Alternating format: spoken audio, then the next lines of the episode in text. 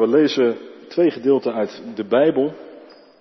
Ehm, het jaarthema Gods belofte en vandaag dus het thema rust en vrede.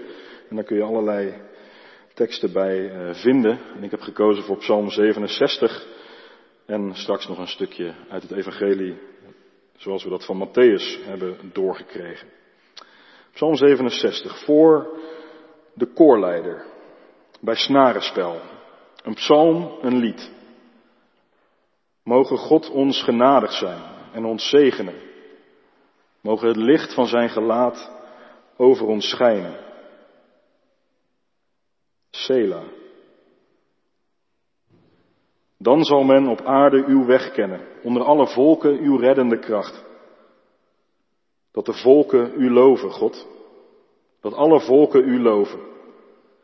Laten de naties juichen van vreugde, want u bestuurt de volken rechtvaardig. U wijst de naties op aarde de weg.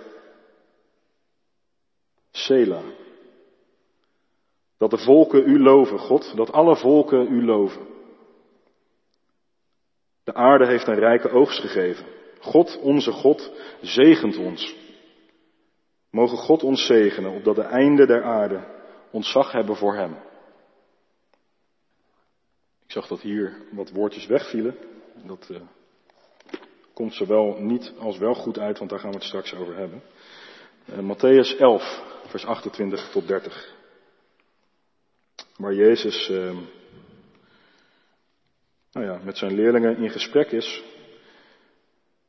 En hij heeft eigenlijk net een groep mensen toegesproken en aangemoedigd om hun leven te veranderen. En uh, nou, dat waren stevige woorden. Maar dan verandert dat in een soort dankgebed, lofzang. En in vers 28 staat er dan, kom alle bij mij. Jullie die vermoeid zijn en onder lasten gebukt gaan. Ik zal jullie rust geven. Neem mijn juk op je en leer van mij. Ik ben zachtmoedig en nederig van hart. Dan zullen jullie werkelijk rust vinden. Want mijn juk is zacht en mijn last is licht. Dit is het woord van God. U geeft rust in mijn ziel. Prachtige woorden. Prachtig uitgevoerd ook, dank. Maar wat, wat, wat betekent dat? Rust in je ziel. Nou, daar gaan we een beetje over nadenken. Disclaimer, ik ben zelf geen held in uh, rust houden, rust vinden, uh, time management, dat soort zaken. Dus eigenlijk had je geen slechtere spreker kunnen uitnodigen vanmiddag voor dit thema. Maar ik heb afgelopen dagen geoefend. Afgelopen dagen was ik namelijk op stilte retraite in Helvoort. Een aantal maanden geleden stelde een van mijn vrienden voor om dat met elkaar te gaan doen vrienden van uh, ongeveer tien jaar terug. Een paar keer per jaar doen we een weekend met elkaar met bordspellen en barbecuen en bijpraten en elkaar zien en volop ruimte voor ontmoeting. En in dit geval stelden we met elkaar voor, moeten we niet een keer zoiets met elkaar gaan doen? Een stilte weekend. We hadden er volgens mij alle vijf niet echt over nagedacht dat als je stil moet zijn dat het lastig is om bij te praten. Daar kwamen we een donderdagavond een soort van achter was dus niet echt een weekend samen, maar wel een weekend stil. Van donderdagavond zes uur tot gisteravond half negen. Niet alleen in de zin van niet praten, maar ook in de zin van echt de stilte zoeken. Dus geen schreeuwende krantenkoppen bijhouden, geen volle tijdlijnen doorscrollen. Clickbait even clickbait laten en je mailbox je mailbox laten. Echt stil. Gericht op God en op jezelf 50 uur lang. Ik kan me verschillende preken herinneren en overdenkingen dat ik het belang van stilte en rust heb genoemd. En ik probeer, en misschien probeer je dat zelf ook wel, om die rust ook echt in te bouwen, te vinden. Momenten van bezinning, om, om stil te staan, een richting te vinden, op, op adem te komen. Maar dat lukt mij niet altijd even goed. En misschien jou ook wel niet. Om even echt stil te staan in de drukte van het leven En inderdaad op adem te komen. Om nieuwe richting te vinden. Of kracht voor de richting die je verder door wilt. En aan het begin van die stilte vroegen de begeleiders ook, hoe kom je hier? Wat is je verlangen? En ik zei, en dat was ook oprecht, en daar ben ik nog steeds helemaal achter, ik, ik ben heel benieuwd wie ik tegenkom in de rust en in de stilte.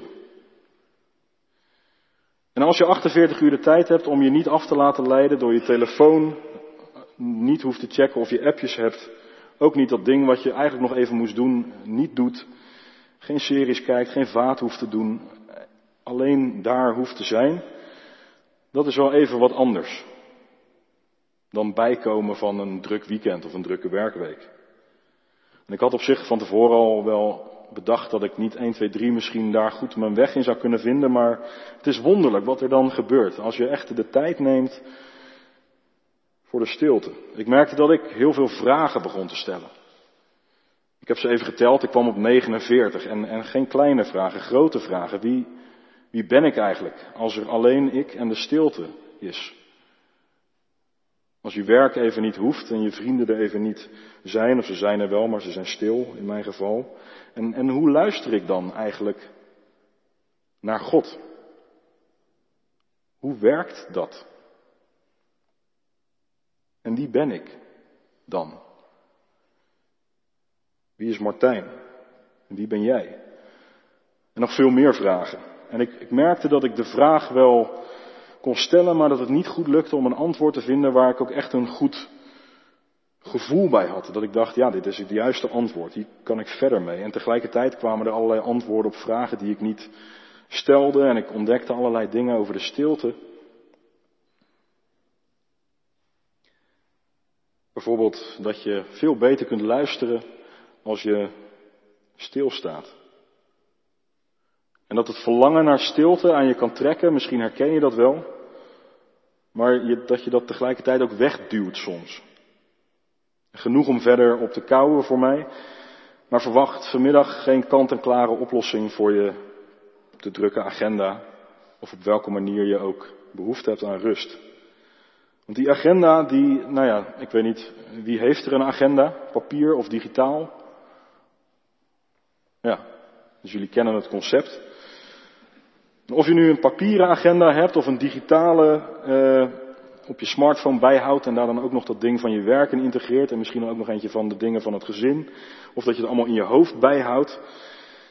De agenda deelt onze tijd in. De Zoom-meeting voor je werk, de afspraak bij de huisarts, de kids ophalen van het sporten, boodschappen doen, je pakketje ophalen, eten koken.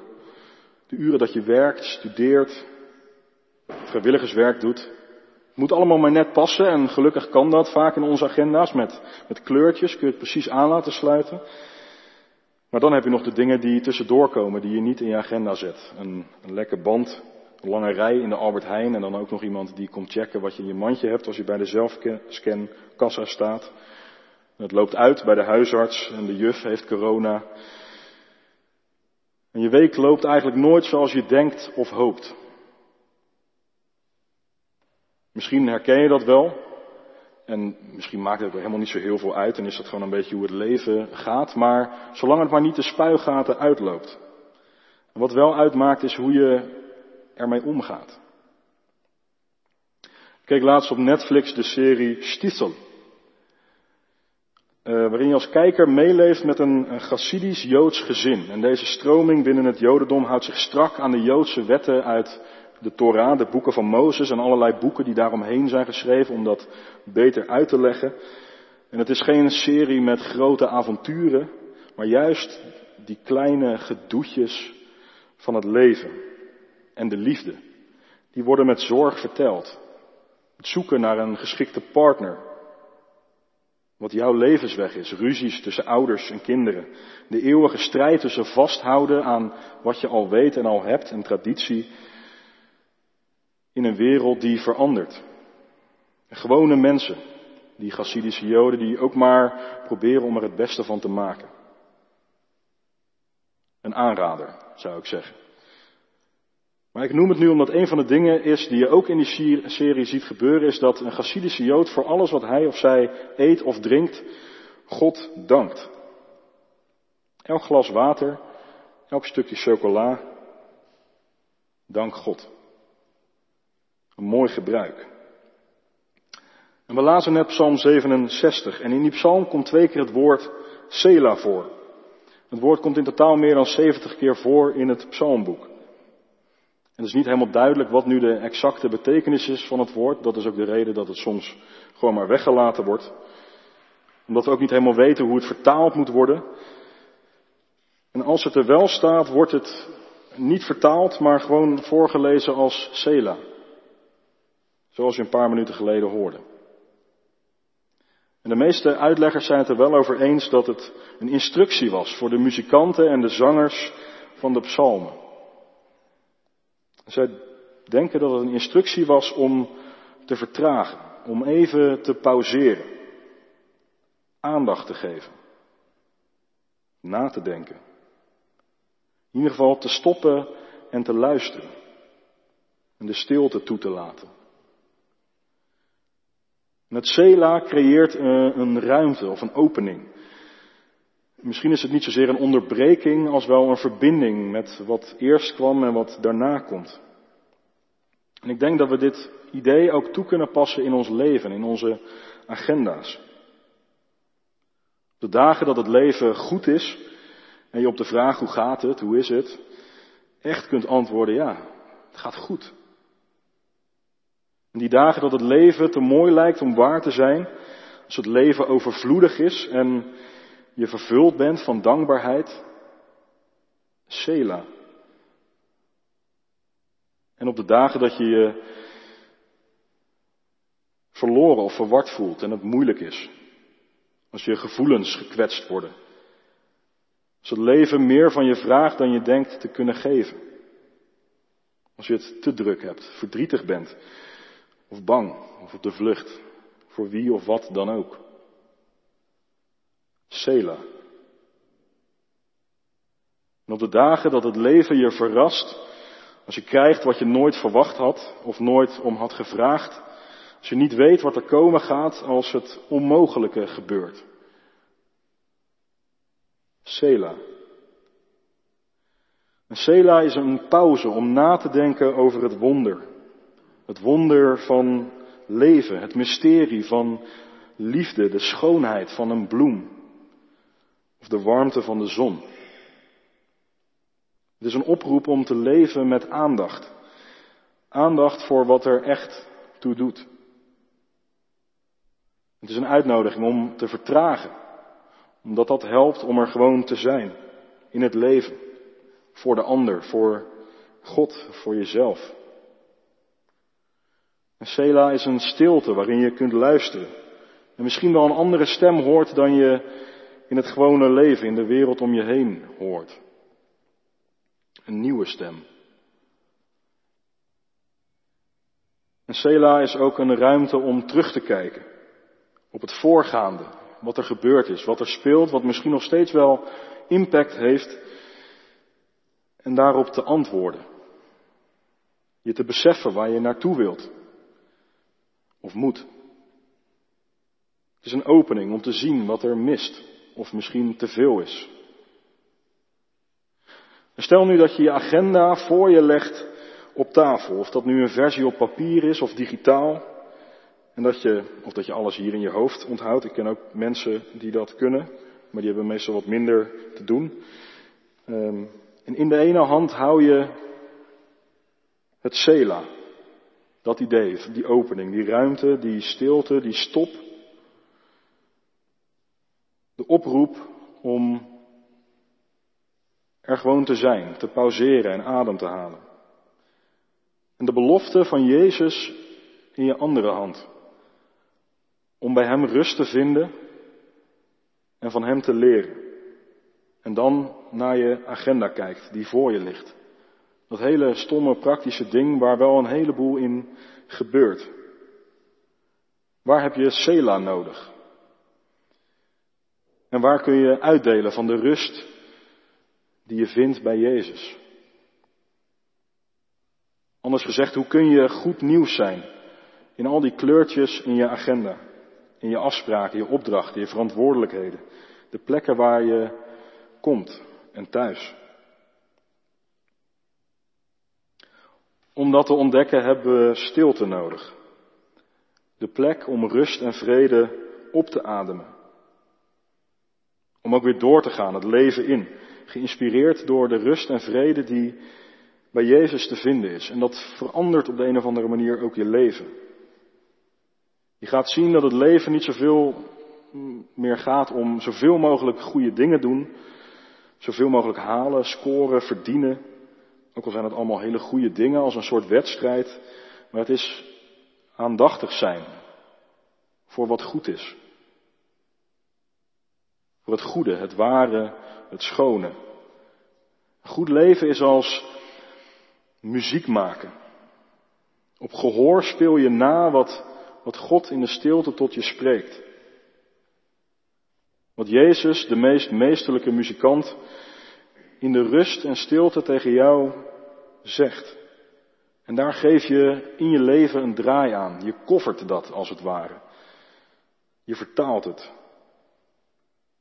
We oefenen, we luisteren, we proberen. En, en die muziek van je leven, wat, wat meer de rust en de stilte en de vrede wil vinden, is waarschijnlijk een combinatie van stilte. Van, van soms prachtige solo's en soms vreselijke missers.